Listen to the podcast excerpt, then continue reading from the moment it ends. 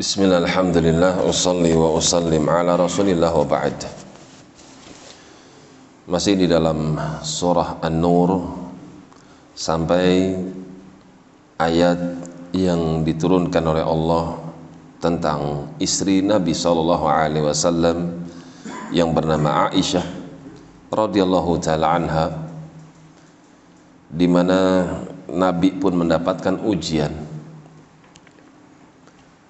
ketika mereka manusia nggak bisa mencari kesalahan Nabi Sallallahu Alaihi Wasallam kekurangannya aibnya maka mereka coba untuk mencari-cari aib lewat keluarga Nabi Sallallahu Alaihi Wasallam di antaranya istri kecintaan Nabi yang bernama Aisyah radhiyallahu taala anha diganggu lewat tuduhan perzinahan.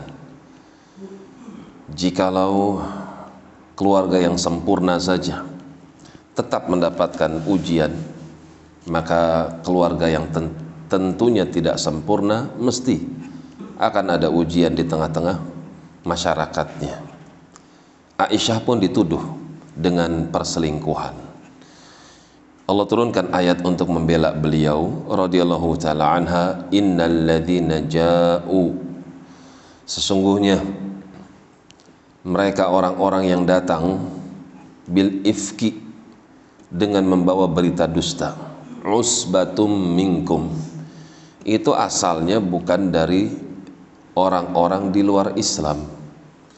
Akan tapi justru datang dari sekelompok orang-orang yang mengaku Islam. Tapi mereka rusak keimanannya. Kaum munafikin seorang muslim yang baik nggak mungkin akan merusak nama baik nabinya muslim yang baik nggak akan pernah mungkin untuk merusak kebaikan rumah tangga nabinya Adapun orang-orang yang mereka coba untuk merusak rumah tangga Nabi, pasti keislamannya, keimanannya ada masalah di dalam hatinya.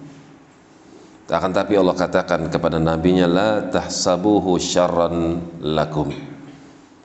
Jangan kalian anggap ini kejelekan untuk kalian.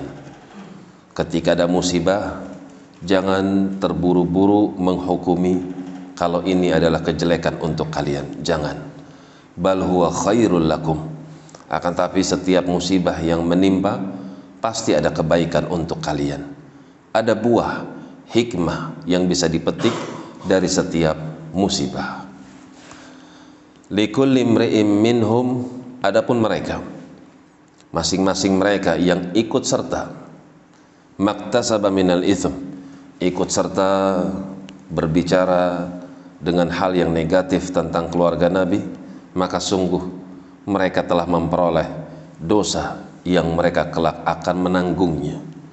Walladzi tawalla kibrahu minhum.